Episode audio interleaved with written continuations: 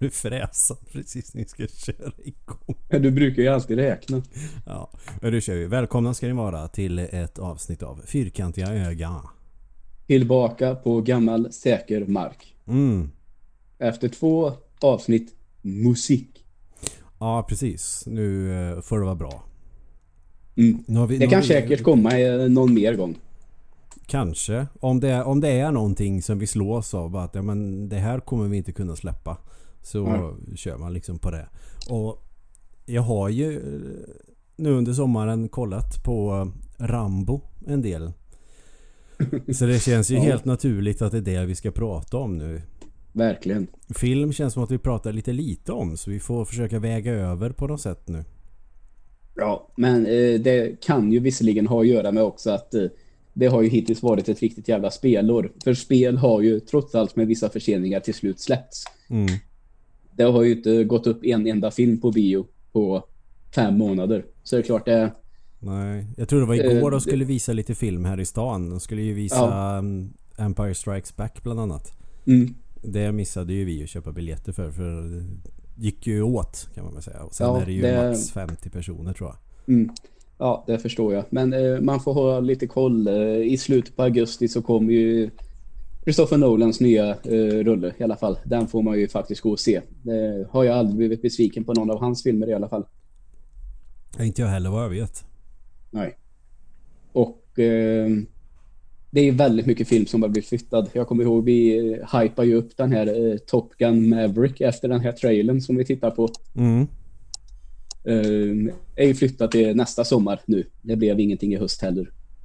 Det är ju helt det- sanslöst att de skjuter upp den ett år. Ja, men tänk... Jag ska tänka mig att den skulle kunna ha premiär i Europa till exempel. Eh, och sen tänker man nej, det kanske den inte alls skulle för nu ökar det ju ganska många länder igen. Så eh, jag tror att det var så de, de går för miste om för mycket pengar helt enkelt. Ja, det kan jag mycket väl tänka mig. Sen kanske det är lite... Jag vet inte hur hur efterlängtad just den här är. För den känns ju lite grann som att det är en nostalgifilm. Ja, absolut. Och det... det är klart att det kan ju bomba stenhårt om folk har ett ljummet intresse plus att det är eh, pandemi. Mm, så är det. Så ska man dra in någonting i box office så får man väl vänta tills folk kan gå på bio helt enkelt. Ja, eh, jag tror ju att det är en sån här riktig sommarblockbuster också. Det är en perfekt film att gå och se på just sommaren. Mm. Eh, inte överdrivet dyr att spela in heller på 152 miljoner dollar. Så det är klart eh, magkänslan säger kan den landa någonstans mellan 400 och 600 kanske. Ja. Ett normalt år så kanske man kan dra bort hälften då, minst ett pandemiår. Mm. Kanske ännu mer, ja. Ja, precis. Så det- men det är väl- lika bra att vänta med det. Fullt. Men jag kan, jag, på något sätt så trodde jag ändå att den kanske skulle komma i december. För då hade jag en känsla, då tror jag nog att det kanske har lugnat ner sig lite. Mm. Men jag har gått på den där grejen så jävla många gånger det här året. Så det, det kommer väl säkert att vara ännu värre i december än vad det någonsin har varit. Jag skulle inte förvåna mig. Nej, jag tänker när vinterkräksjukan och allting kommer plus det här. Winter throw-up disease.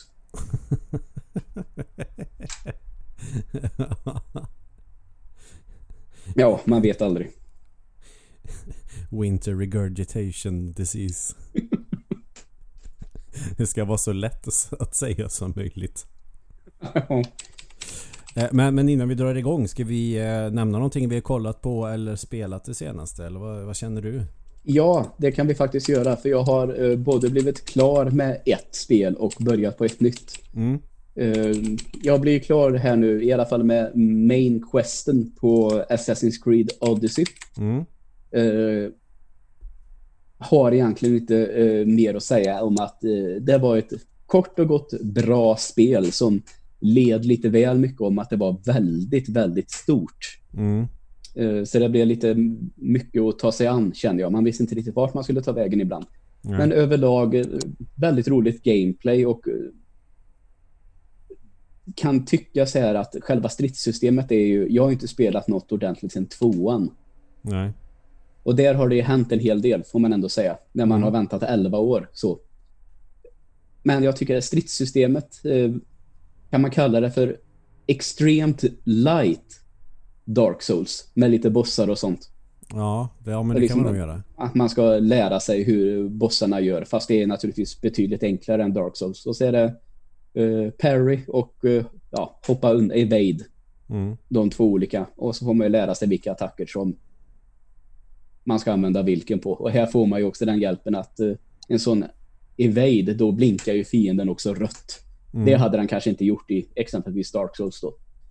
Utan Nej. då hade man fått lära sig det mönstret uh, på annat sätt. Ja, så är det ju. Mm. Men eh, i alla fall jag flyttade över det från eh, hård, det- från SSD till den andra hårddisken för att spara lite utrymme så jag kan allt tänka mig och kanske lite då och då köra något uppdrag för jag tycker att det var ganska kul ändå. Mm. Men eh, jag har också eh, skrivit en liten recension av det på FZ så vill ni läsa mer utförligt så kan ni alltid hoppa in där och läsa den så är vi klara där. Mm. Och så kan jag ta min eh, andra här också då Mm. eh, och säga att jag har ju börjat att lira Doom Eternal. Mm. Och helvete vilket ös det är i det spelet. Ja, jag blev supersugen på att spela det själv när jag såg ditt gameplay-klipp du skickade till mig. Galet jävla tempo i det spelet alltså. Det händer någonting hela tiden. Och det känns nästan som så här att man tror hela tiden man dödar en svår fiende och så rensar man på de lätta fienderna. För så måste man göra, tycker jag. Plocka den starkaste fienden först. Mm. Det är en taktik som jag tycker funkar bra. Annars är det helt omöjligt. Den fienden kan inte vara kvar. Då dör man alldeles för snabbt. Och så tror man, åh, nu blir jag av med de här två och har rensat. skö- Nej, det var en omgång till. Och en, ännu en till. Och en tredje. Alltså det är bara öser, öser, öser, öser. Mm. Eh, sen eh, det det har fått kritik för, det är en kritik som jag, trots att jag har kört tre timmar, faktiskt kan förstå den kritiken. Och det är just det här att eh, för att få extra liv så Mm. måste du utföra en sån glory kill, som det heter. Okej. Och det innebär att om du skadar en, till, en fiende tillräckligt mycket så kan du göra en glory kill som är en extra stark eh, melee-attack kan man Ja. väl säga. Eh, och då kommer fienden att droppa eh, hälsa till dig. Mm. Eh, och som sagt, det går ju en del ammunition. Och för att en fiende ska kunna droppa just ammunition så ska du använda motorsågen och såga sönder dem.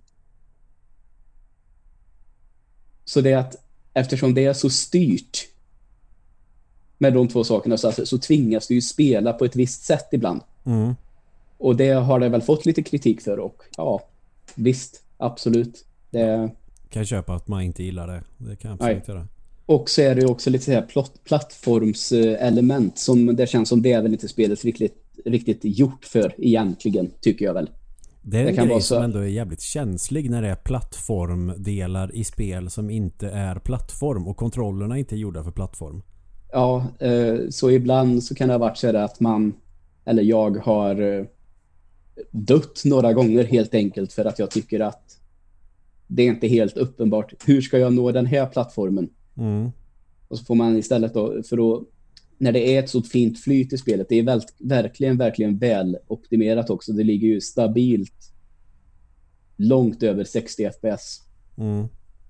Så kan det bli lite tråkigt när liksom man, man har pumpat upp sig själv med adrenalin typ efter en riktigt intensiv fight och så ska man hoppa plattformar i fem minuter och där får man liksom stanna ja, vart är det jag ska ta vägen nu då? Och så vända sig om och så ja, långt där nere. Där är det nog någonting som jag kan klamra mig fast vid. Mm. Nej, det var det inte. Ja, då får man prova nästa.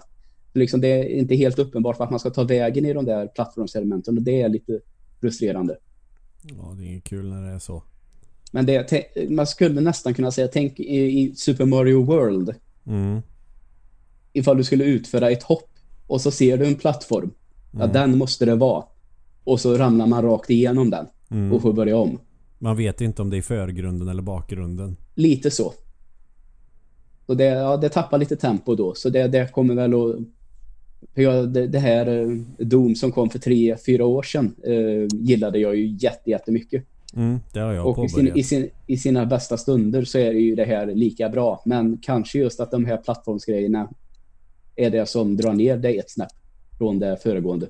Ja, okej, det är så pass ändå. Nej, men alltså, de är väldigt, väldigt bra båda två. Mm. Men om man stör sig på plattformsgrejerna så får man ju kanske säga, tänka då att ja, då är det av den anledningen kanske inte riktigt lika vass då. Nej. Men det Då kanske är vi är, på från... små grejer helt enkelt. Ja, det kanske är från, alltså det, det första eh, Doom, det, inte det allra första då, utan 2016 Doom. Det skulle jag ju så mycket, det ger jag ju 10 av 10. Det tycker Mm. jag ju är helt fantastiskt. Det här kanske trillar ner strax under 10 då. Vi får Mm. se när det är klart helt enkelt. Mm. Jag har Ja. precis eh, börjat spela PC med mus och tangentbord för första gången sedan Borderlands 3 släpptes. Mhm, mhm. Eh, För att eh, jag tycker det är obekvämt på något sätt att spela med mus och tangentbord. Måste säga, Jag måste köpa såna här geléklumpar så jag inte får ont i handlederna. Så har det alltid varit. det, det första du ska göra det är att köpa en annan mus. För det vet du vad jag tycker om din jävla mus. Det är klart att det blir obekvämt med den. Du har bara lurat dig själv att den är bekväm. Jag älskar den, det gör jag faktiskt. Men jag gillar inte att ha armar på bordet. Och då måste sitta nej. med sträckta armar och då eh, lägger jag ju vikt på handlederna istället. Jag Ja. hittar ingen bra ergonomisk position för att när jag var 18 Nej. så eh, spelade ju Duke Nukem lite för länge i en ganska oergonomisk ställning. Jag vet inte om jag satt eh, med böjd arm på ett väldigt konstigt sätt. Alltså lite bakåt nästan. Nu ser du. Nu. Ja, nej, ja, det känns ju inte... eh, Nej, och då fick jag ju svinont i skulderbladet typ två år. Mm. Så att jag är lite känslig på det sättet. Eh, Men... Men ja, det, det funkar nu. Det, Mm. det är ändå ganska många år sedan jag var 18 år. Så det har väl läkt så att Ja. säga. Det. Eh, Men då har jag kört, ska vi se, tre spel som jag kan nämna kort då. Två till PC har jag kört. Jag eh, skaffade det här eh, FPSet Sin. Ja, just det. Som jag spelade demot på typ en miljon gånger. Sen mellan tumme och pekfingret.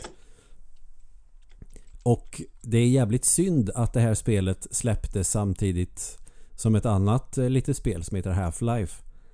För att Ja. det är ju, om vi tänker på hur spelen var där eh, se, sent 90-tal. Mm. Vi, vi får ändå se med de glasögonen så är det ett jävligt stabilt FPS. Ska ju komma en remaster på den nu också. Mm. Dessutom. Så det är väl kul att spela igenom originalet innan det, tänker jag. Ja, men det är det. Och ja, men det är faktiskt rätt bra. Eh, har inte det här krångliga som en del FPS kunde ha där om vi säger mellan Quake och eh, FPSen idag typ. Eller, och när ska vi räkna som FPSen idag? Säg Halo 3 där någonstans. Runt Mm. den tiden eller Call of Duty när det blev mer liksom eh, inte leta så mycket utan bara pusha på framåt. Vilket jag Ja. kan tycka är en fördel ibland faktiskt med FPS. Ja, absolut. Eh, Så kan ju vissa 90-tals FPS vara så att du springer runt och letar som en jävla idiot efter saker. Ja, För att banorna är lite för stora och lite för fria och kanske inte riktigt förutsägbara med vart man ska gå någonstans. mm. Och eh, lider ju Sidn av också naturligtvis. Men inte jättefarligt. nej, okej. Så det är, nej, men det är faktiskt ett bra stabilt gammalt FPS. Så att gillar man eh, gamla klassiker så tycker jag definitivt att man ska ge det en chans. För att det fick ingen chans när det kom. Jag vet att det var Nej, hypat. det fick det verkligen. Ja, Men verkligen stendog när det släpptes och Half-Life kom och bara revolutionerade hela skiten mer eller mindre. ja. För det gjorde de ju verkligen. Ja. Så ge det en chans. Sen har jag fortsatt lite på remaken på Resident Evil 3 som jag tycker är eh, bra mycket bättre än originalet. Ja, För originalet eh, var jag lite besviken på när jag körde igenom det första gången. Jag trodde att det skulle vara lika bra som Resident Evil 2 men jag tyckte inte riktigt att det var det. nej. Men eh, remaken på trean, nej det är inte riktigt lika bra som remaken på tvåan men det är fortfarande, det är ju samma typ av spel liksom. Det är, Mm. Man har ändrat grejer så att det känns bättre. Storyn känns mer... eh, Man kan köpa det mer och det, det kopplar ihop trean och tvåan på ett bättre sätt. Ja, okej. Och så körde jag med mus och tangentbord och upptäckte att fan det går ju att sikta nu. ja, Vilken jävla grej. Jag kan döda zombies utan att eh, sumpa ett helt magasin. ja. Jag vet att du pratade om eh, när du körde remastern på tvåan att det var med handkontroll som Mm. gällde. Liksom. Vad Mm. fick dig att ändra dig nu? Eh, jag var bara sugen på att spela med mus och tangentbord. Ja, okej. Det var inte svårare än så. Men det Nej. kändes ändå, det funkade rätt bra. Jag minns däremot att Dead Space var piss att köra med mus och tangentbord. Okej. Men på Resident Evil 3, jag vet inte om det har någon betydelse men jag tog bort V-sync. Då kändes det ju mer bättre. Mm. Det är någonting med V-sync som känns att som att saker blir eh, nästan som att gå i vatten. Ja, ja visst. Så är det. Och det är lite jobbigt tycker jag så det brukar stänga Mm. av. Sen ja, har det, jag är-. Men det är väl lite så. Det gör man, tror jag. Om man kollar på lite sådana här, ofta hur man ska optimera PC-spel så bra som möjligt. Stäng av det direkt. Det är skit. Ja, jag fattar inte varför man envisas med det faktiskt. Nej. Eh, Men sen håller jag på och jag försöker knåpa ihop en sorts topp 10-lista till Super Nintendo som inte innehåller Final Fantasy, Chrono Trigger, Zelda, Metroid, Super Mario eller de här som alltid är med på topp 10-listor. Mm.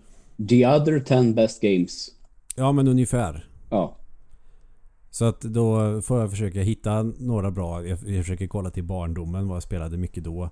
Och då hittade jag ju en kassett hemma som jag tänkte det här har jag inte startat upp på länge. Det här kör vi. Black Hawk. Åh, ja, det är...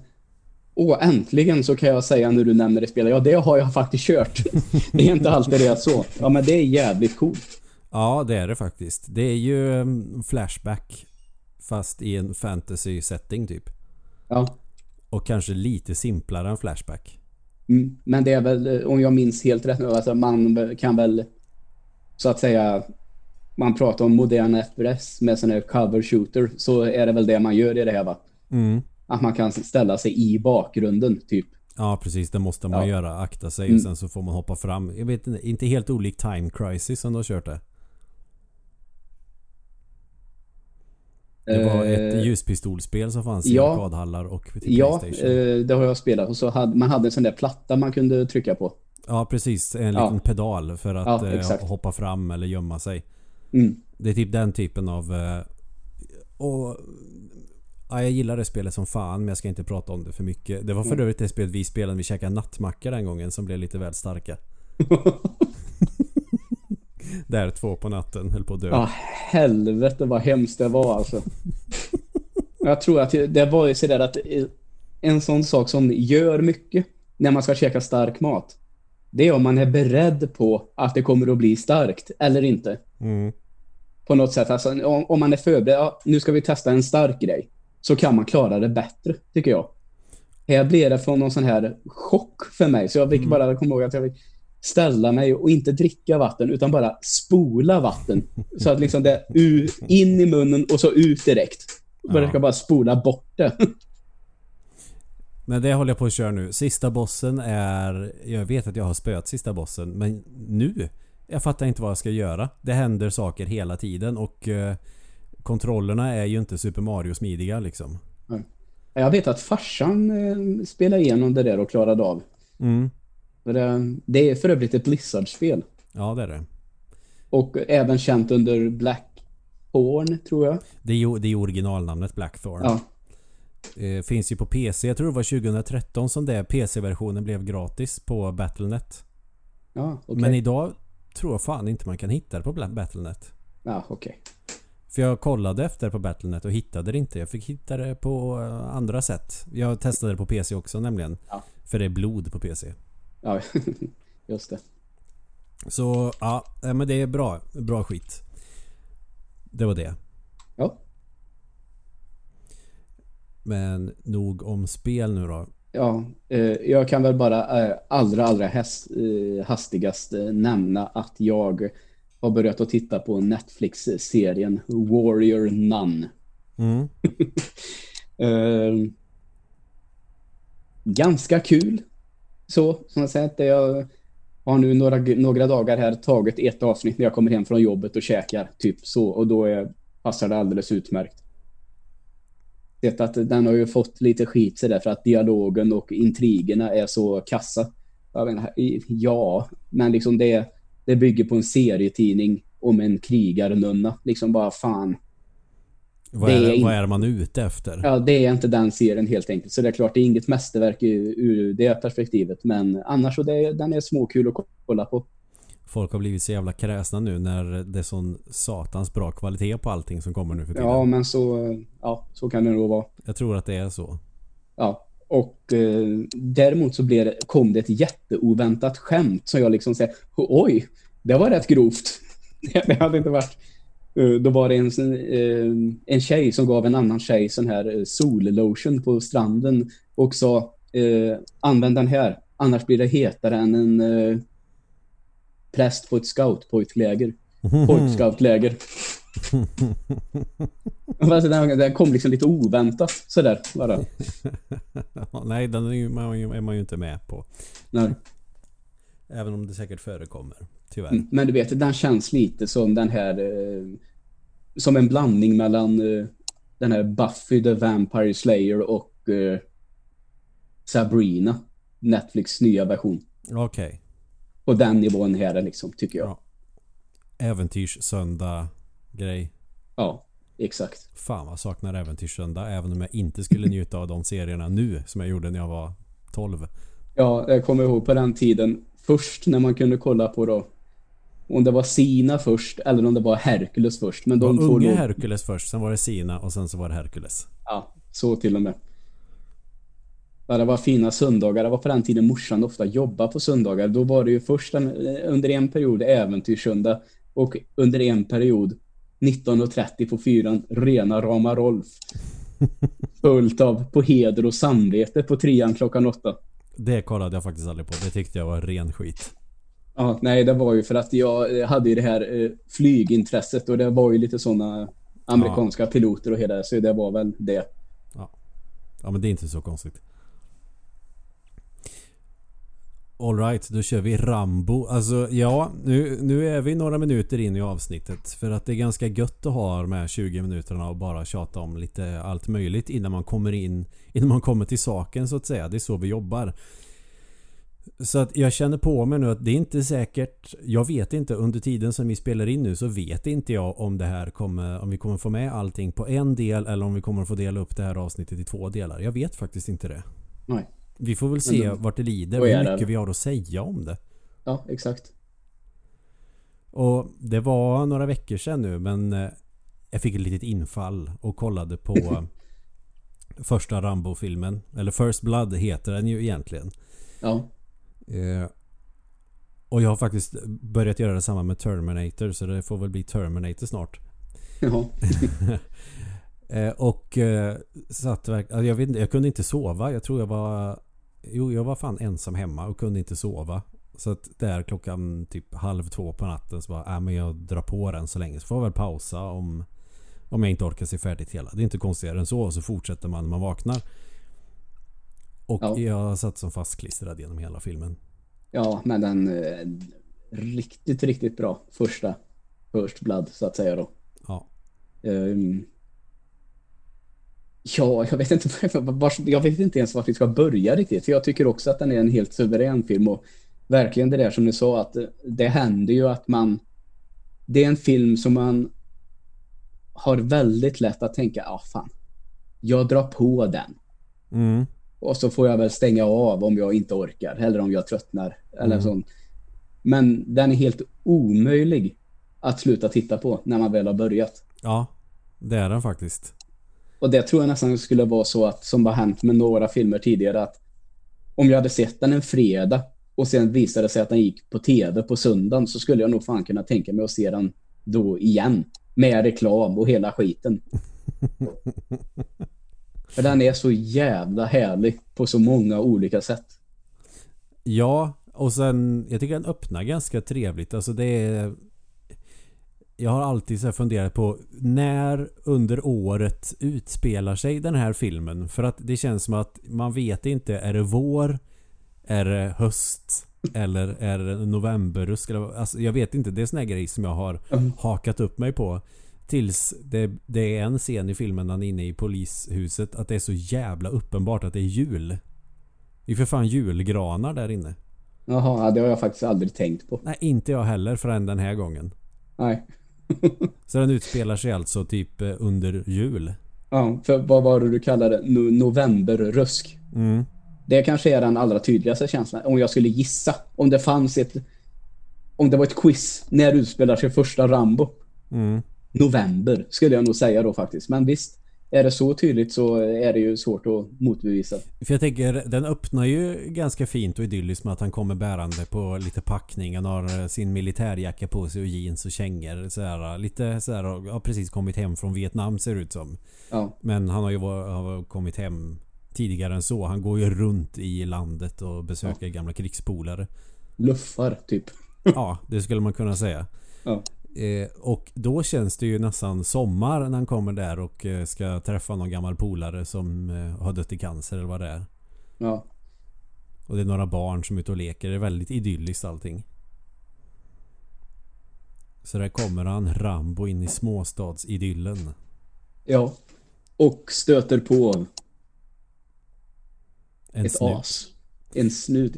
Och här berättar du ju faktiskt en lite kuriosa grej som är med i, det här det bygger på en bok som på svenska heter Tvekampen tror jag om jag inte minns helt fel. Mm. Eh, och du berättar en liten anekdot där från den här, för man i filmen kan det ju uppfattas som att man förstår inte riktigt varför den här polisen reagerar så som han gör. Men det hade du ju faktiskt ett litet svar på som kanske är ännu tydligare i boken då mot, eh, jämfört med filmen. Ja, alltså det, det är väl mer... Jag, jag vet inte om det är så för han får ju skjuts. Eh, och eh, polisen kör ut honom från stan för att eh, han vill inte ha några luffare i stan. Ja. Så då bara nej du får eh, fortsätta härifrån och så går det åt det hållet och så går han tillbaks och då blir han ju gripen. Men i boken så tror jag att det framgår mer som att eh, om man inte har sett Rambo eh, första Rambo-filmen så kan man ju säga att det är kuka djur. Och han eh, spöar snutarna som, eh, ska som ska häkta honom och så drar han liksom. Han snor en motorcykel och drar iväg och så jagar de honom och så vidare. Men det framgår tydligen i boken att eh, Rambo är ju en eh, Vietnam person. Eller han, han, han har varit med i Vietnamkriget helt enkelt. Ja. Och så har vi snuten som har varit med i Koreakriget. Och så Mm. blir det någon typ av kukfäktning där ungefär. Ja. Det blir en Korea-veteran mot en Vietnam-veteran. Vem är tuffast? Och så använder de väl olika taktiker som de lärde sig i respektive krig typ mot varann ungefär. ja, just det. Men i filmen så framstår ju polisen som eh, rätt störd bara. Ja, exakt. Men jag tror att man kan se att han har fått... Eh, vad fan heter den där lila medaljen? Det vet du som kan sånt. Eh, Purple Heart. Ja, han har ju en sån. Och, Det är en sån eh, sårad i strid-medalj. Ja, det kan man se inne på hans kontor tror jag i bakgrunden att han har medaljer och skit från Koreakriget. Det är det enda i filmen som ger en hint om att han också har varit i krig. Ja, Annars så framstår han ju bara som en korkad snut. ja exakt. Och så finns det väl en snut som i alla fall verkar ha någon form av samvete för de är ju sjukt jävla sadistiska när de eh, ska ta fast honom.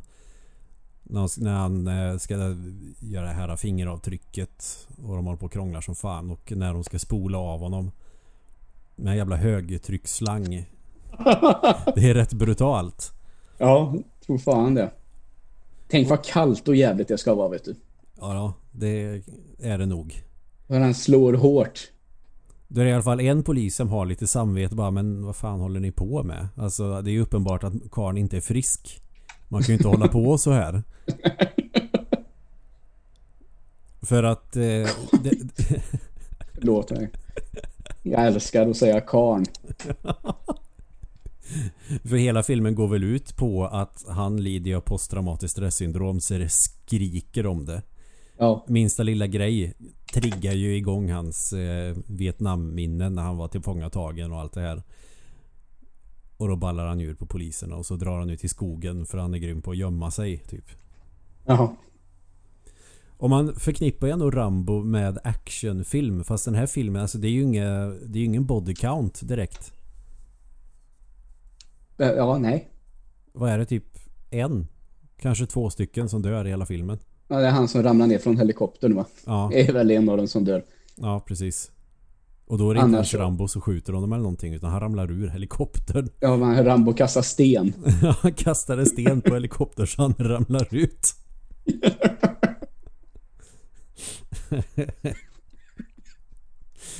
ja.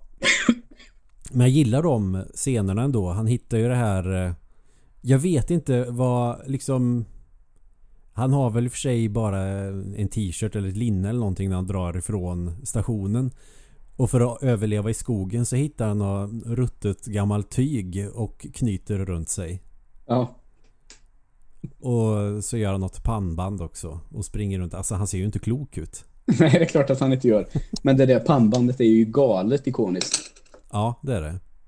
Det blev ju det om inte annat sen i andra filmerna. Ja, jo.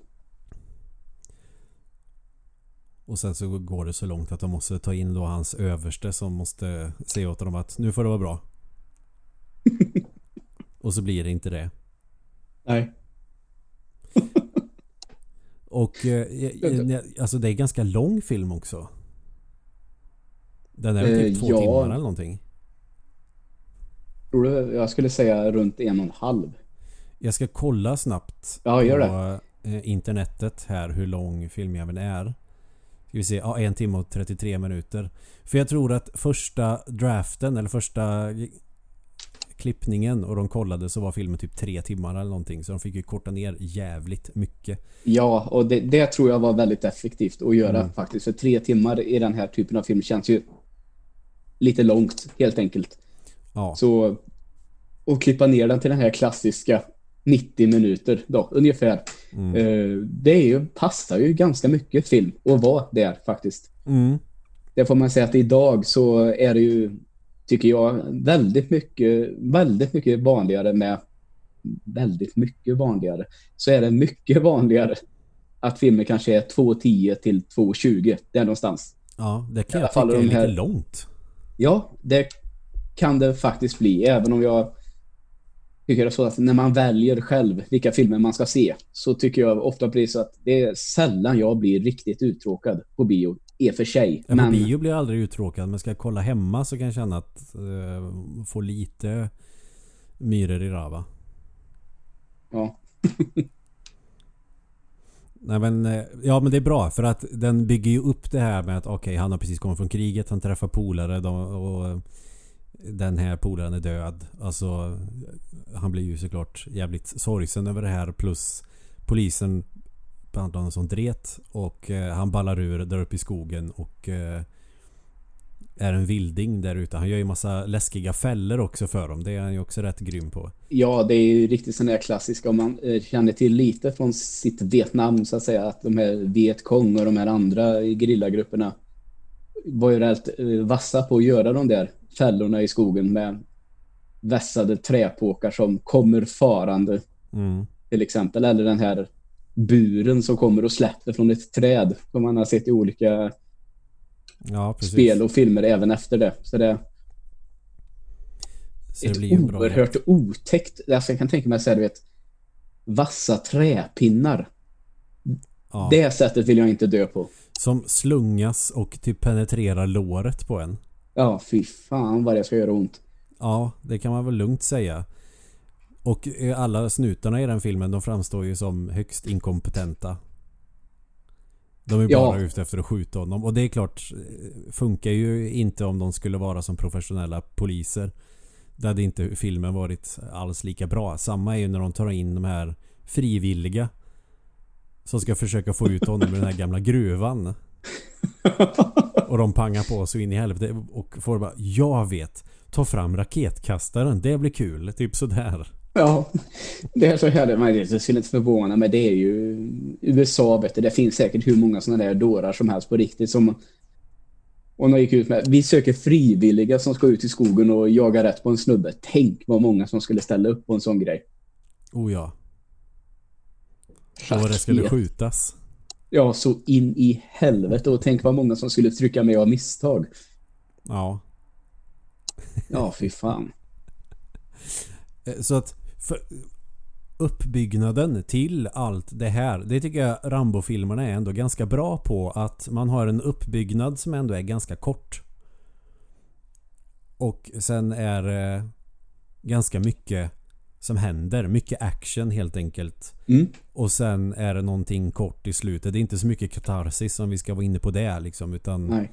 Men det, nu är vi inne återigen lite då på de här 90 minuterna. Alltså Mm. det är ju väldigt, alltså man brukar väl, filmer brukar vara tre akter kan man väl säga. Mm. Alltså akt ett som är någon form av inledning och så en akt två där det liksom drar upp ett jävla bra tempo för att sedan liksom kanske vända lite. ja, vi har ju och- klimax där då. Ja, och så Efter- kommer det in så kommer det in på så kommer det in på akt tre där det exploderar ofta i en sån där liten slutstrid då Mm. eh, kanske och sen planar det ut så fint. Ja, precis. Och den, den har ändå ett djup, första Rambo-filmen. Det kan man inte Mm. säga så mycket om de två efterkommande i alla fall.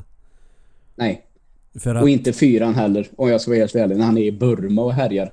Nej, när jag- i och för sig. När jag för övrigt en gång hade första gången jag såg den, hade väl skaffat den en sån där ganska inte toppkvalitet. Det var inte 4K om man säger så. Och så började vi titta på den där uppe på campus där vi var då. Så tänkte jag, hör fan inte vad Karin säger. Vi måste skaffa undertexter. Mm. Så fick vi efter många om och men eh, tag på eng engelska undertexter. Men vissa fraser han sa så var det bara frågetecken.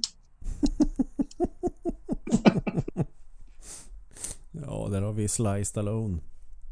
Ja. Som faktiskt är eh, i den här också en väldigt, väldigt bra skådis tycker jag. Ja, det Eh. tycker jag. kan ju till exempel tycka att han ibland har fått ett, alltså inte ett dåligt rykte kanske, men att eh, man ofta tänker med honom i och med hur uppföljarna blir. Han gör bara actionfilm. Mm. Men så har du, precis som jag säger, den första den har ett djup med det här. Du säger att han blir ju helt eh, psykotisk där på polisstationen och eh, slår ner de här männen, poliserna som har ja, mer eller mindre misshandlat honom. Och det som du säger, det är det här hur kriget har påverkat honom med den här eh, posttraumatiska eh, stressen som Mm. han lider av. Och det är som sagt nog för att han blir misshandlad, men just det, det behövdes inte jättemycket för att det skulle snappa fullständigt. Nej. Och det är klart, det går att tänka då att ja, han bara blir galen och försöker skada så många snutar som möjligt. Men det Mm. går ju också att se på ett lite djupare sätt naturligtvis. Ja, för Att han vill kanske- ju inte skada någon. Han vill ju ändå hävda att han är oskyldig hela tiden. Ja, Och det försöker han ju vara hela tiden. Så att Mm. han går ju aldrig ut efter att döda någon i hela filmen egentligen. Nej, han säger låt mig vara. Eller vad är det han säger? När han Ja. skadar dem allvarligt. Han vill bara få vara i fred och besöka sina gamla polare. Sen är det ju jävligt roligt när de är där i skogen efter de andra har fått med träpinnarna i benet och är skadade och kan få tag på den här eh, polischefen, eller sheriffen är han väl då. Ja. Och eh, vad fan, han säger be Will. Teasel, eller vad heter han? Ja, någonting sånt. Ja. Och eh, vad fan är det? Ja, där i stan är det du som bestämmer men här ute är det jag som bestämmer och om du jävlas då ska du fan i mig få se på krig. ja, det är en rätt gapig sak att säga. Ja, det, det, är, det är en bra scen. Det är Mm. det. Och sen kommer ju militären in då och de ska ta in honom. Alltså det blir ju ett jävla ståhej. Alltså tänk om det skulle ha hänt. Oh, by the way. Jag kom på en sak. Det har ju för fan hänt i Tyskland för bara någon vecka sedan. Ja, har, har vi sett någon avslutning på den där cirkusen eller? Nej, jag glömde följa det. Alltså det är ju hemskt på alla sätt och vis. Ja, det är klart att det är, men... det- man Men Rambo dem- i Tyskland, lite kul är det faktiskt. Ja, men alltså det får man säga, det var ju uh, inte bara du som skickade och sa så till mig, utan det... Man kan ju nästan se det lite att journalister själva har tänkt den tanken också och varit lite fnissiga åt det här hemska som har hänt. Mm. Tycker det Någon finns snubbe en, i Tyskland, han hade pilbågar och grejer. Ja, och han hade tvingat till sig massa vapen och några jävla snutar som han hade övermannat. Och sen bara stuckit därifrån. Med pilbåge och ammunition typ. Och apropå pilbåge så är ju första Rambo-filmen, han har ju inte pilbåge där även om det är en av hans specialiteter. Det är light weapons och pilbåge typ. Ja, Förutom Han- den han- lilla detaljen att han kan köra typ varenda helikopter som finns också och använda Ja. alla typer av eh, Mm. ammunition. han väljer, han väljer light weapon ett M60 istället. Som vanligtvis är typ monterad på helikoptrar. Mm. Ja, fy fan. Men alltså tänk den stan. Alltså folk borde ju vara eh, rätt upprörda. Fast det får man inte se. det får man ju inte se så mycket av. Man får ju den här bilden av när, han kommer, när sheriffen kommer ut. Han hälsar på alla, känner alla vid namn och så vidare. Ja. Eh, men sen får man inte se det folket något mer under hela filmen och det kanske inte är så konstigt. Vad, vad ska man skildra egentligen? Men han tar ja, det är sig... det som är med i, den, i de 90 minuterna som de klippte bort kanske. Ja, kanske för att eh, när han har tagit sig ut från den här gruvan och fäktat bort de här råttorna och grejer. Det är ju typ halva filmen nästan när han karvar runt i den här gamla gruvan. Ja. Ändå starka scener. Jag gillar det. Jag tycker det tillför ändå ganska mycket. De tror att han är död men han har bara dragit ännu djupare in i gruvan. Så kommer han ju till stan sen och jag tänker det Det framgår ju inte i filmen men kan det vara så att de bara utlyser Stanna hemma Ja Dra härifrån Det tror jag att de gör. Och det, det är rimligt. Det, det, det kommer att smälla. Ja, det tror jag. Håller inne för helvete. Sen har man ju sett att det här med att säga till folk att de ska hålla sig inne, det funkar inte så bra alla gånger. Men eh, här verkar det ha funkat väldigt bra i den här stan. Men det är den här amerikanska småstaden som du sa, där alla känner alla vid namn. Mm. Där sheriffen har lite status sådär. Då kan det inte bara komma någon luffare hux flux. Nej. Det så ser då inte bra ut. Säger polisen stanna inne. Då respekterar man ordningsmakten. Mm, för att eh, det är ju nästan sån här western spökstadstämning där i slutet av filmen när de ska mötas. Nära, och väldigt mycket metal gear också när han springer runt i mörkret och skjuter sönder lampor och skit för att ja. hålla sig i mörkret. Mm, med ett jättestort vapen. Ja, ja. Han hörs inte trots det. Det är skitsamma om man hörs så länge man inte syns. Tänk, om man, jag skulle säga, tänk om man bodde centrum i en liten stad och det kom ut ett meddelande att det är en mycket farlig person lös. Alltså ni får, ingen får gå ut ikväll. Tänk, tänk vad jag skulle stå här i fönstren då och vara beredd och sen äntligen så hörde man att nu händer det grejer. Hörde där ute bara Jävlar vad spännande det skulle vara på ett helt absurt sätt. När han spränger det jäkla vapenförrådet. Ja, det är någon jävla bensinmack också va? Är det inte, eller? Ja, det, den spränger han väl och sen är det ju jag tror det är en vapenaffär eller någonting. Han häller ut en satans massa krut som man hittar överallt och spränger skiten i luften. Då skulle man stå i fönstret och kolla. Ja. Oh, jävlar, och så vet man att det, det här är ju ett litet familjeföretag kanske som han förstör i ett nafs här. ja. Fan, det, det, det gick han över gränsen, Rambo. Tråkigt att gå till Arbetsförmedlingen dagen efter. Har du försäkrat? Nej, jag trodde det ingick i hyran. Är man då. Ja, eh, du, vi kanske har någonting till det här. Vi har eh, eh personlig assistent i Wisconsin. Wisconsin, det är det för That 70 Show utspelar sig va? Japp. Ja. Äh, men bra film. Jag tänker att eh, kan man spoila en Rambo-film? Det kan man väl inte? Nej.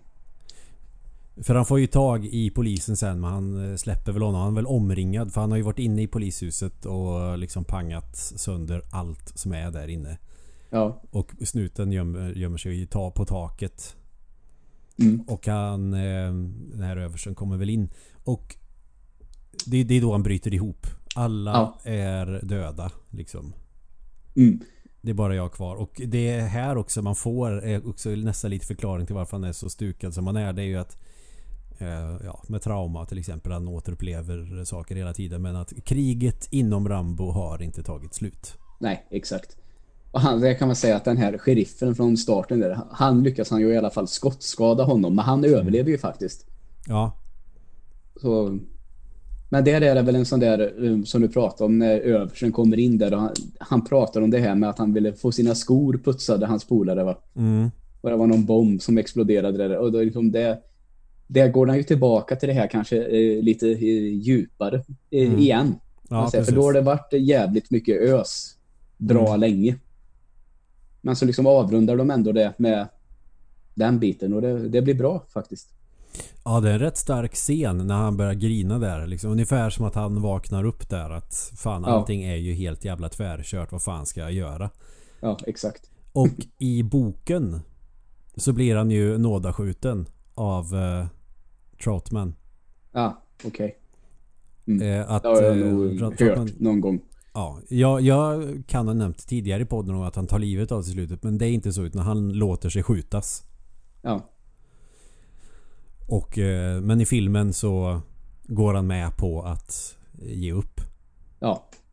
Och går ut där och så är den ju faktiskt slut så och där eh, lämnas den ju helt öppen egentligen. Alltså Mm. den kan ju ta slut exakt så, men det, så blev det ju inte. Alltså det var ju den första icke-Rocky-filmen Stallone gjorde som inte gick åt skitvägen. Ja, exakt. Så att det var ju bara att... Alltså jag vet inte om de hade filmat något alternativt slut. Alltså jag tror att de hade antagligen dividerade väldigt mycket fram och tillbaka. Jag tror till och med Stallone inte gillade filmen överhuvudtaget först och ville egentligen skrota den helt och hållet. Mhm. När han hade sett den att han ville liksom köpa filmrullen och bränna den. ja, men Idag det har får vi, han vara, ändrat sig men då var Ja. han inte så nöjd. får vi vara glada över att han eh, inte gjorde. Nej, för det blev ju en uppföljare sen några år efter. Vad kan det Ja. ha varit 85? När kom den ut? 82? Och så kom andra typ 85 eller något sånt där. Ja, det stämmer säkert. Det är 80-tal och så, så in i helvete. Mm, Musiken när eftertexterna kommer är ju bra passande. verkligen. Sån här powerballad verkligen. Det är bra avslut på actionfilmer, powerballad. Personligen hatar jag powerballader mest av allt i hela världen. Men det funkar i slutet på Rambo. Vi Ja. se, 82 och så kom tvåan 85. Eh, Ja. Eller First Blood 2. Mm. Det är också Så där eh, man har bestämt sig. Första heter First Blood. Det, ja, det, Rambo First Blood Part 2. Ja. ja. They drew first blood säger han väl i första filmen. Mm. Och eh, de följer ju varandra typ direkt. ja, så är det ju. För han överlämnar, han överlämnar sig så att han blir ju satt i fängelse. Någon sån här arbetsfängelse, sån där anstalt man får stå och hacka sten. Ja, Som i västernserier typ. ja. På den, sen på den gamla goda tiden när man eh, tog hand om fångar. Mm. Fick fan med arbeta med att lägga räls eller hugga sten typ. Ja, alltså varför inte? Sen tror jag man jobbar ganska mycket i fängelser och sånt. Ja, det Det finns ju så. mycket problem. Ja, jag ska bara tillägga det. Ja, jag vet att det är så. Jag skojade bara. Och det är väl från och med andra filmen som det här djupet i Rambo. Man försöker väl ändå ha någon form av person konflikt som det går lite snett för så att säga. Ja, Eh, och eh, vill egentligen inget annat än att bli lämnad i fred. Men sen har vi andra filmen. Då är ju allt det där som bortblåst. ja, nu ska det ösas med action. Och Rambo 2 som film, alltså det har ju kommit fler actionfilmer. Alltså vi har ju fan alla Clintan-filmer och så vidare. Dirty Harry och så vidare. Och de här westernfilmerna och sånt där. Eh, men det här känns som att det la grunden för allt. Ja, det absolut. Så är det ju. Eh, hela den här actionvågen under hela 80-talet så är, vet inte hur kronologiskt, hur först ut Rambo egentligen är, men ändå så känns det ju väldigt, som du sa, grundläggande för vad som skulle komma under en 10-15 år egentligen. Mm. Och Rambo 2 tycker jag på något sätt känns... eh, Jag kanske har helt fel för jag gissar bara nu. Men det känns som att den la grunden... Den och kanske Predator då. Mm. La grunden och Alien naturligtvis. Den får man absolut inte glömma. Men jag vet inte, estetiken på något sätt och eh, det här superromantiserande av massa vapen och såna här grejer. Om man kollar på tv-spel från den här tiden. Allt är ju Rambo. Ja, eh, det är väl en sån klassiker med, eh, det är inte vi som, eller inte jag som har kommit på det här, men spelet Ikari Warriors. Ja, ja. Som man har hört att många pratar om att det är en snubbe som springer i djungeln med pannband. Ja, det här är Rambo. Mm. Och ja, och så har han ju en annan snubbe med sig som typ ser likadan ut fast har en annan färg.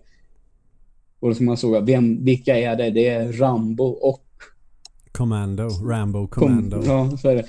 Och då säger de väl, det är väl från Cinemassacre tror jag att det, jävlar vilken grym film det hade varit. Ja. Ja, och den skulle bara heta så. Rambo Commando. Ja just det, Commando. Den kom också 1985. Det var, känns som att det var ett litet magiskt år där. Vi har Arnold som också är ensam och ger sig på liksom en massa superskurkar. Som en enmansarmé och sen så har vi då Rambo 2 som också är enmansarmén som också sabbar liksom för eh, allihop. Han drar väl tillbaka till Vietnam där i tvåan och ska väl rädda några POWs. Ja, precis. De är fångar i Vietnam fortfarande då. Och det är bara Rambo som känner till miljön och kan hämta hem dem. Ja, så han blir... Han får en deal. Antingen så sitter du kvar i fängelset och sitter där i fem år till eller så drar du iväg och krigar lite. Ja. Kan du få en medalj också för det här. Ja, och vi ska vara väldigt glada över att han eh, då drog iväg och krigade lite till. För jag tycker att Rambo 2 är, om än att den saknar eh, djupet, så är det ju fortfarande en eh, väldigt, väldigt bra actionrulle. Precis, man får nästan eh, eh, bortse från att ja, första filmen var ju eh, baserad på en bok. Det finns ett original, det finns någonting man måste förhålla sig till. Andra filmen så vad var coolast med första filmen? Ja men det var att han var en jävel på kriga och gjorde fällor i skogen och såna här grejer och eh, var typ hur livsfarlig som helst. Ja. Till och med så himla stenhård att han syr sitt eget sår på armen. Ja, han har, någonting, han, han har någonting i kniven va? Är det inte så? Jo, han har ju kompass och tändstickor och lite såna här grejer. Mm. Och även tråden va? Är det inte så? Som man syr Jo. med. Ja. Ja, ja, fan. Det var ju många tror jag som köpte såna knivar med kompass och skit i liksom handtaget. Eh, jag hade en sån leksakskniv Mm. med kompass i handtaget. Och eh, på ovansidan sån här sågtand. Ja, precis. Ja. Jävligt cool kniv. Man känner ju till uttrycket Rambo-kniv. ja, jag tror jag köpte den på typ i Paris. när jag var där med morsan och farsan när jag var tio år. Ja, men det var på den tiden när barn hade vapen som leksaker. Ja. Är det inte så längre? Jag tror inte i samma utsträckning på något Nej. vis. Alltså Nej, man, spe- inne... man spelar Call of Duty istället. Ja, alltså när jag är inne i leksaksaffärer. Det är ju inte direkt så att jag ser väggar med k-pistar och knivar och svärd och såna här grejer samma, på samma sätt som när man var Nej. liten. När man gick på marknaden till exempel och kunde köpa ninjasvärd och eh, allt möjligt. Ja, det har jag, eh, kan jag påstå just det. Ninjasvärd, där handtaget så var det sånt här tunt tyg lindat och så fanns de i, i grön, lila, röd, blå. Ja, Ja, lite olika färger. Man fick två stycken. Man fick ett lite längre sånt svärd och sen fick man ett kortare, en sån kniv så att man kunde, fan vet jag, begå seppuku på sig själv antagligen som barn. Jag vet inte. Mm. Och så var det sån här härligt vit plast som var själva äggen. Ja, exakt. Fan, några sådana har jag avverkat kan jag säga. Ja, men det har jag också. Det var, ja, det var kul på den tiden. Man fattade inte att det var ändå ganska korkat att lära barn att leka med vapen. Mm. Jag tänker också det är Det- Rambos fel. Ja. Det var så när vi, eh, jag och Jocke Frid var hemma hos Jesper och vi, eh, vi fäktades. Mm. Och Jocke Frid kom på en eh, manöver som inte gick att försvara sig mot. Det var att man snurrade sitt svärd i en, i en cirkel och sen stack framåt mot halsen. Det var bra lekar vi hade.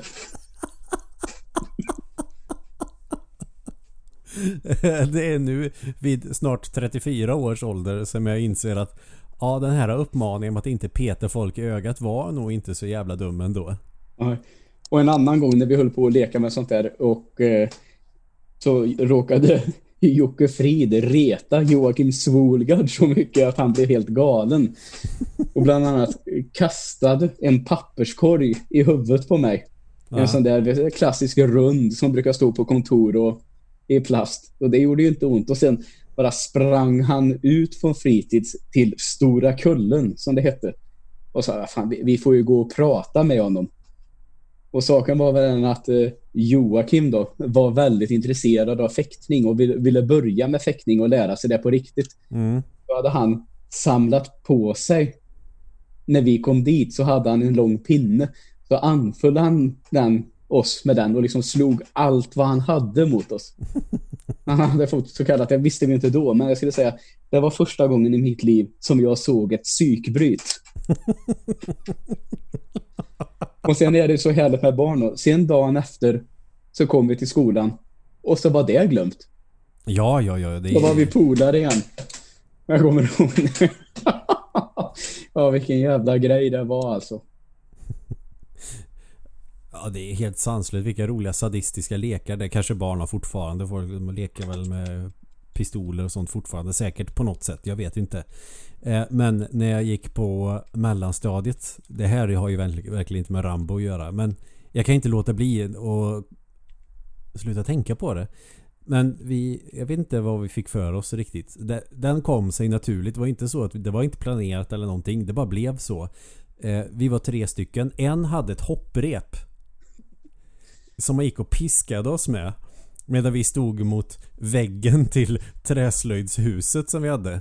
Ja. Med, med, med, liksom någon pinne och någon sten och hackade på teglet där. Att vi var slavar och han bara skrek Jobba! Så gick han och slog oss med det här hopprepet. Jobba! Och så slog som fan. Amistad 2. Ja, okej. Okay. Det var, lät som en bra lek. Ja, och att vi liksom så började planera hur vi skulle typ eh, rymma och eh, fanns väl antagligen regler till det där eller hur vi skulle övermanna honom och ta över piskan och såna här grejer. Alltså, ja, ja. Helt sinnessjukt. Gå och slå ja. varandra med hopprep. Men det var ju... De andra spelade var, kula liksom. Men... Det var ju det roligaste som fanns när man gick i femman, sexan och hitta på skit på rasten som kunde skada skolan. Ja. och det var ganska harmlösa saker. Så här, vad ska vi göra idag? Ja, vi tar den här fotbollen och så ställer vi oss på varsin sida om huset och sparkar den fram och tillbaka till varandra. Och det var, slog ju fint då tills den där bollen slog ner som ett jävla meteorit på andra sidan rätt i huvudet på någon som gick i tvåan typ. Ja, det har man gjort några gånger. När man spelar de här sex rutor med någon basketboll. Och skulle Man kunde skjuta ut folk. Det är typ tennisregler. Ja. Och man ska studsa bollen hårt så in i helvete i den här rutan så att den flyger typ på fotbollsplanen längre bort. Så att den blir omöjlig att fånga. Så att ja. den personen får gå ut i sin ruta och stå i kö tills man får vara med och spela igen. Ja. Då hände det några gånger att man dunkade i den här bollen så hårt i marken man bara kunde och den landade, eller den flög antingen in i ens eget ansikte eller i någon mm. annans ansikte. Ja. Det var några glasögon som rök där och eh, näsblod kunde det ju bli också. Ja, just det. För att inte tala om alla gånger man lekt Herren på täppan när de har plogat på skolgården. Och det var alltid någon jävel som bröt armen på vintern när man lekte det där. Ja. Varenda gång. Handleder rök ju som fan. ja, det var ju lätt hänt vet du. Ja.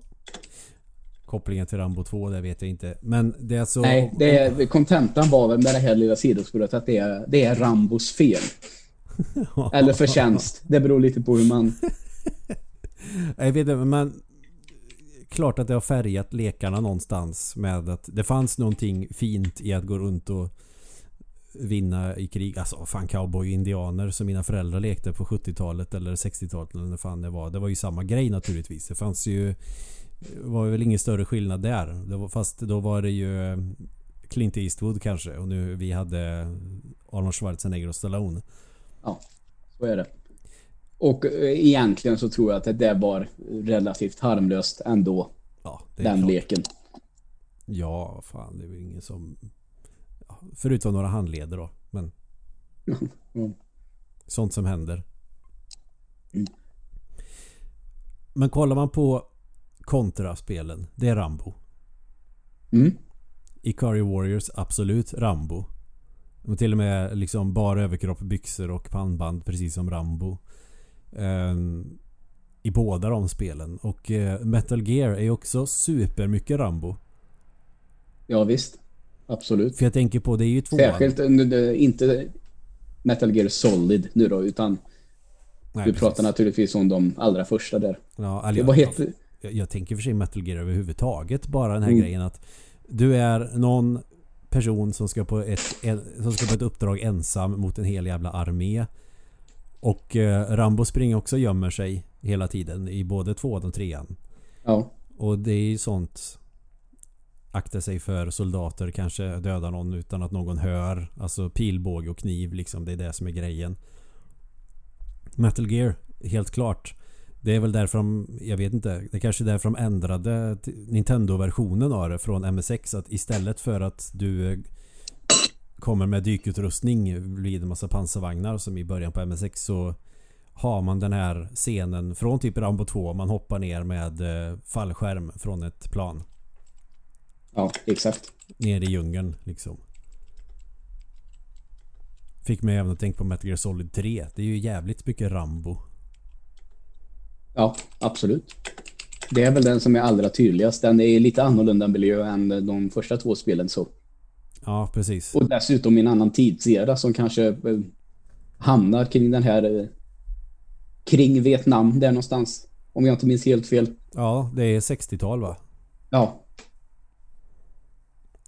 Och självklart ryssar som är skurkarna. ja det är en klassiker. Nej men det, det, det, det är en sån här grej. Det kommer fan från Rambo 2. Jag är helt övertygad om det. Ja, det tror jag också. Han får något hemligt uppdrag. Eh, Ingen kommer att veta någonting. Regeringen har inte gått ut med det liksom till allmänheten. Utan det och eh, dör han eller om han försvinner så är det ingen som kommer att veta att någonting någonsin har hänt. Nej. Och så har han världens utrustning. Det är också här ikoniskt där. Han har alla jävla grejer på det här bältet och knyter och det här jävla pannbandet. Och så fuckar han upp vid planet. När han ska hoppa ut. och får skära loss sig. Ja, det har ju hänt. Ja, det har det ju säkert. Ja, nej men det är härligt att han får göra det jag ändå säga. Så all utrustning är liksom helt körd. Och det, det han har är väl typ kniven. Mm.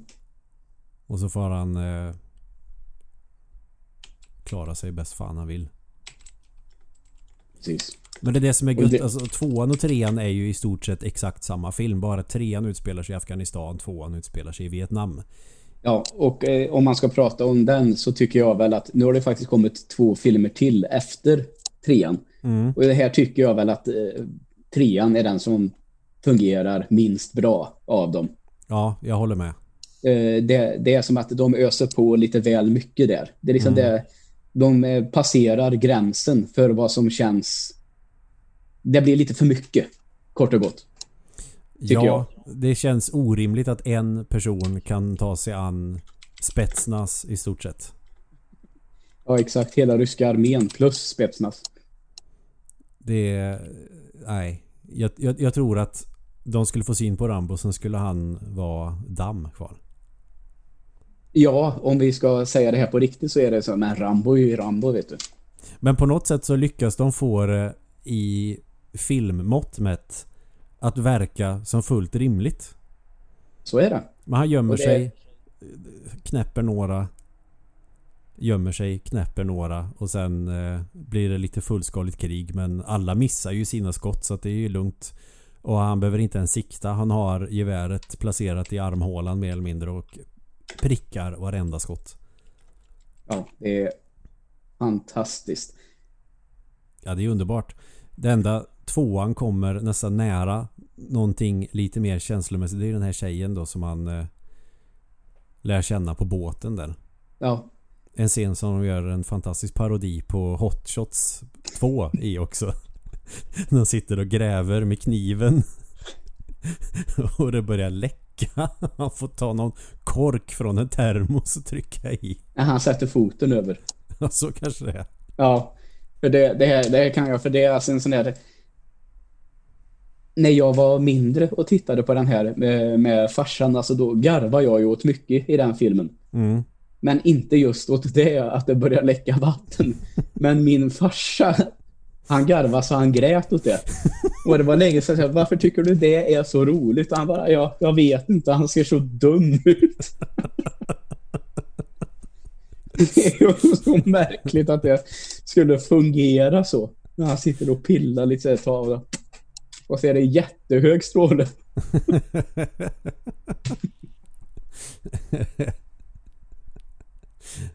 ja.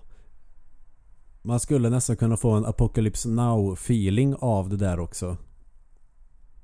Ja, ja, för någonstans om man kollar på andra sådana krigsfilmer så är ju de väldigt bra på att skildra allting som är hemskt. Mm. Apocalypse Now är ju som en enda liksom feberfrossa i stort sett. Den är ju jävligt stark. Vi har ju Full Metal Jacket också. Eh, som är jävligt mörk. Ja, verkligen. Och allt det där finns typ inte i Rambo. Det enda som finns är, ja som i ett tv-spel. Du får ett uppdrag. Du ska panga... Ja, han ska ju ta foton egentligen men det blir inte riktigt så. Det går ju lite snett så att säga. Det kan man väl lugnt säga att det Och gör. hitta de här fångarna och... Eh, sen så ska det typ vara klart. Alltså det, det är egentligen inte så mycket. Det är bara, det är bara att åka med. Ja. Och det kan väl räcka gott och väl och bara få åka med emellanåt. Tredje filmen, det är också samma sak. Vi har ett superuppdrag åt dig. Och då tackar han ju nej då förstås. För att han ska ju bygga hus med munkarna där istället. Ja, det är när han är i typ Thailand va, och slåss mot eh, andra Ja. fångar, typ. Eh, ja, han är inte fånge där. Han bor Nej, i men- något kloster. ja. Han samlar i, i, i pengar åt dem genom att slåss. Typ när han känner för det. Ja. Och eh, sen är det ju hans eh, överste som blir kidnappad och då drar han ju till Afghanistan. Alltså de är ju fan samma film, tvåan och trean i stort sett. Mm. Du får ju mer av samma sak. De utspelar sig på olika ställen. Eh, trean har kanske lite mer åt det att de är två stycken i alla fall. När han räddar honom från fängelset och de krigar ner eh, ryssar tillsammans. ja. För tanken med tvåan var ju att John Travolta skulle vara med. Och att de skulle vara två stycken. Kan du tänka dig den filmen, Rambo 2, Sly Stallone och John Travolta? Ja, faktiskt. Han var väl relativt het då fortfarande. Mm. Travolta där. Sen eh, försvann han ju från rampljuset och gjorde inte comeback förrän i Pulp Fiction, typ. Ja, det är något sånt. Mm. Och eh, Stallone hade ju jobbat med honom i den... eh, Är det Saturday Night Fever som Stallone gjorde? Eh, oj. Jag vet inte. För det finns ju i alla fall en koppling med just John Travolta och uh, Sylvester Stallone. Okej, ja, jag blir osäker nu faktiskt. Men vi kollar upp här på datamaskinen vad vi kan hitta. Jag är rätt säker på... Ja, det är eh, Staying Alive. Staying Alive är det som eh, Mm. Stallone har gjort. Ja. En av de här dansfilmerna med Travolta i alla fall. Mm. Men jag tror att eh, Stallone bestämde nej, vi gör det här till eh, enmansgrej. För att han, John Travolta skulle ju ha varit någon form av comic relief. Ja, och det blir sällan bra får man säga. Det har blivit bättre kan jag tycka med sådana grejer. Men eh, Ja, det blev, det blev kanske inte förrän typ på 90-talet när det var någon eh, stor muskelknutte och sen någon sidekick som typ är, fan vet jag, Martin Lawrence eller Chris Rock eller någon sån här person. Mm. ja. Men just Eller- alltså, om man, om man tänker just i sådana här lite tyngre filmer. Mm. Eller, eller liksom, om man tar Rush Hour till exempel så är det ju väldigt mycket komedi i den. Och Mm. där är väl är det Chris Tucker som är peppelpellen som man ska garva åt i den som är snut och liksom ändå lyckas att lösa det till slut. Mm. Eh, där funkar det ju naturligtvis med en sån karaktär. Men eh, det här, har du sett filmen Femte elementet? Ja, den har jag sett. Där är det ju en comic relief karaktär. Ja. Uh, så jag, inte, jag kommer fan inte ihåg om det är Chris Tucker som spelar honom också. Jag undrar fan om det inte är det alltså. Jo, jag tror det. Och Mm. i den filmen tycker jag ju att hans karaktär fungerar väldigt bra. Mm. Till exempel. Så det, det har blivit bättre än vad det en gång var. Men då finns det ju någon form av actionkomedi, alltså en sån stämning i dem. Det är samma med Ja. eh, Dödligt vapen-filmerna. Mm. Rambo har inte riktigt den Nej, stämningen. exakt. Så det skulle ju bli helt fuckat. Men jag tycker att eh, Marvel Studios har gjort det väldigt bra i sina Marvel-rullar. Mm. Med lite actionscener varvat med humor, Mm. faktiskt. Lite lätt slapstick typ. Ja, och där eh, funkar det bra. Ja. Åh, vad fan. Jag vet inte om det är så där jättemycket mer att säga. Rambo 2 Rambo 3. Alltså han åker på ett uppdrag. Det är ett jävla ös. Det är ju i och för sig det här med att han då har som special med lätta vapen, kniv och pilbåge. Den pilbågen han har är ju hur mäktig som helst när han håller på och skruvar ihop den när han får missiler skjutna mot sig och såna grejer. Ja, det är något visst med eh, kan man kalla det för det primitiva med en pilbåge. Mm. Eh, som gör det väldigt eh, tillfredsställande att både använda i spel för den delen eller se någon använda på film. Det är ett tyst vapen också, det är väl därför han använder det. Mm, såklart. Istället för en PP7 med silencer. ja. Och det coolaste med den pilbågen är de här jävla bombpilarna han har. Ja. Det har ju också använts flitigt i spel för övrigt om vi ska prata det. Till och med i Assassin's Creed Odyssey finns det bombpilar. Ja, I det gamla Grekland. Zelda har ju bombpilar. Ja. Du kan ju, jag tror på Link's Awakening till Gameboy kan du göra egna bombpilar. Mm -hmm. Om du har pilbåge på B-knappen säger vi och bomb på A-knappen trycker på dem samtidigt så skjuter du bomber. Ja, coolt. Breath of the Wild har ju också bombpilar. Ja. Jag tror också vi har Rambo att tacka för. Ja, antagligen. För han kan ju skjuta ner helikoptrar och lite allt möjligt från de där jävla pilarna. De är ju helt super-OP. ja, eh, och det är väl här det blir lite då. Det är väl i trean han gör det va? Ja, jag tror det. Ja, och då blir det kanske det, det blir lite mycket. Ja, det, det känns som att det blir så ettan, där är det liksom, visst det är action och sådär men på ett eh, ändå inte jättebalanserat men rimligt. Tvåan åker ut i djungeln, pangar ganska mycket där efter att eh, han har blivit upptäckt några nära helikoptern drar.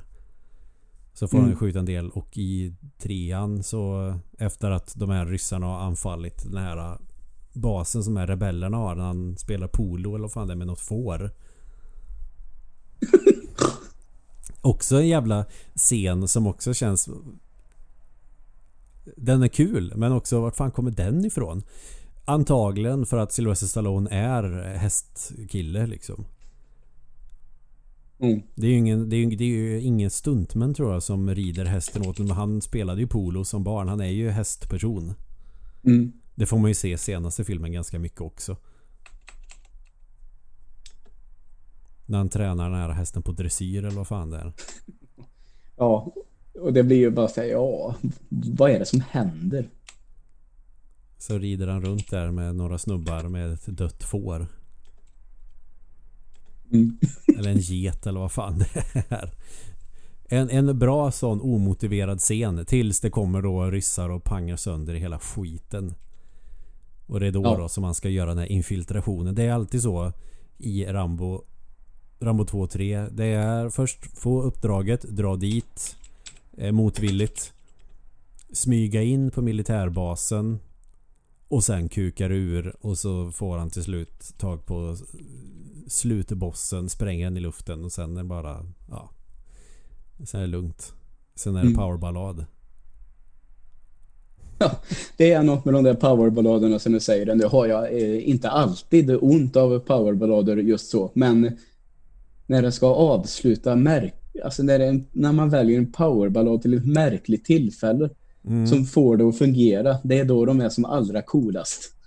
För det är ändå jävligt tuff musik i Rambo-filmerna. Tuff orkestermusik. Det är ju inte sån här som det kan vara i andra actionfilmer att det är något eh, tufft syntaktigt som i eh, första Terminator är det mycket synt liksom. Mm. Eh, eller att det är någon liten elgitarr med jättemycket delay som kör eller saxofon som det är i Dödligt vapen. ja, när, när jag kommer det typ som ett litet saxofonsolo utan övrig musik när, när Riggs gör märkliga saker som att ska ta livet av sig eller misslyckas med någon tjej eller tämjer en vild hund eller något sånt där så ska det komma. Eller när Murdoch uh, klantar sig för att han håller på att bli gammal. Eller typ slutet på sådana här filmer när saker och ting liksom brinner mer eller mindre i ruiner och de skojar om någonting för att de är typ skadade så in i helvete när någon tänder en cigarett och så zoomar det ut och så hör man lite saxofon eller elgitarr och så är det slut. Mm. Och i Rambo så är det pampig orkester hela filmen. Och när han har sprängt skiten i luften och allting är klart, då blir det powerballad. Kontrast. Ja, det, det är någonting jävligt härligt med det. Det är rätt... Jag vet inte, det kanske är 80-tal. Det kanske är en 80-talsgrej. Ja, antagligen. De var väl som störst på 80-talet, powerballaderna. Mm. Ah, fan, jag gillar Rambo 2 men jag kommer inte på någon specifik scen på samma sätt som med ettan. Det är samma med trean. Det, allting händer ju på en gång så det Nu känns kommer jag faktiskt inte ihåg om det är i tvåan eller trean som man spelar död och sen skjuter ner helikoptern med granatkastaren. Eh, det är trean tror jag. Ja, då är väl det jag minns från trean då, om man säger så. När han ligger ner sig och sen... Det är väl i trean som det börjar bli lite mer kreativt med hur han dödar folk. Det är en ganska kul scen i tvåan där det är Det klipper och så är det lite bäckar tror jag. Och så är det en ensam soldat av fienderna kvar som bara Nej det här går inte. Han börjar kuta. Mm. Och Rambo långsamt skruvar fast någon jävla bombgrej på sin pil och så skjuter han iväg den mot en snubbe som springer för sitt liv. Ja, Det är en bra brutalt. Ja, trean eh, kanske lite mer kreativ. Det är mycket eh, skära halsen med kniv och skjuta eh, brösten med pilbågen. Men det är ju rätt brutal scen. Vad är det? Han sätter fast en... Han har väl handgemäng med någon snubbe. När han precis har klättrat ut från den här grottan eller vad fan det är i. Och han knyter någon jä- jävla rep runt halsen på honom och sätter fast en handgranat och kastar ner honom för det där hålet. Ja, också brutalt. Ja.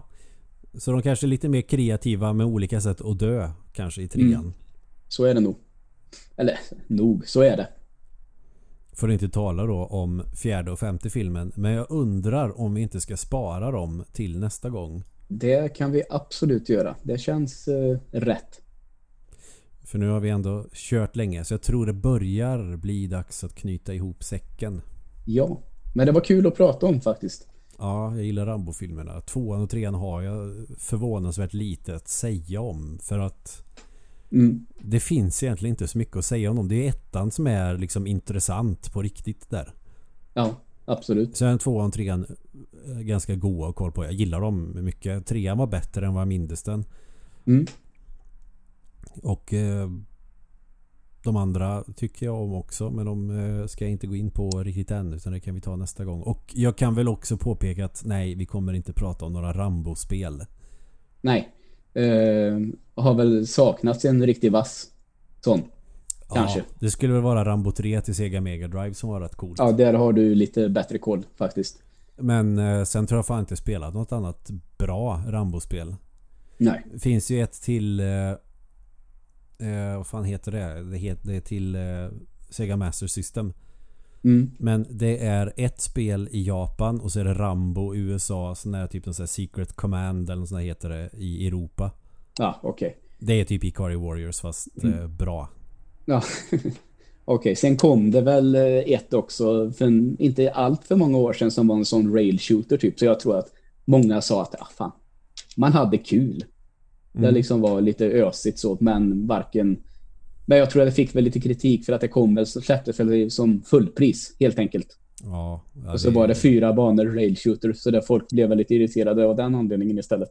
Ja, och sen om man ändå tänker Oj. Behövdes egentligen aldrig något Rambo-spel för att alla spel, actionspel var mer eller mindre Rambo. Ja, exakt. Du hade ju kunnat sätta Rambo eh, på kontra så hade det varit klart. Mm. Det hade funkat. Ja, jag håller med. Men du sa knyta ihop säcken. Det är Ja. sagt. Så ska vi bara då tacka för att ni har lyssnat och att ni vet var ni finns. Var vi finns. Ja, ifall ni skulle vilja höra av er med någonting. ja Så kör Facebook vi Ram. Rambo 4-5 imorgon. Nästa vecka menar jag. ja, precis. Ja. Vi, vi kör på det. Om det inte blir någonting oförutsett semestergrejs nästa vecka. Det händer ju. Så att ibland så kanske det blir någon vecka som man inte spelar We, in. we let it be unsaid. Ja, precis. Men jag tror inte att det är någonting nästa vecka som gör att vi kommer att skippa inspelningen. Nej. Vi kör på helt enkelt. Japp, det gör vi. Får ni ha det så bra så länge. Yes. Hej. Hej.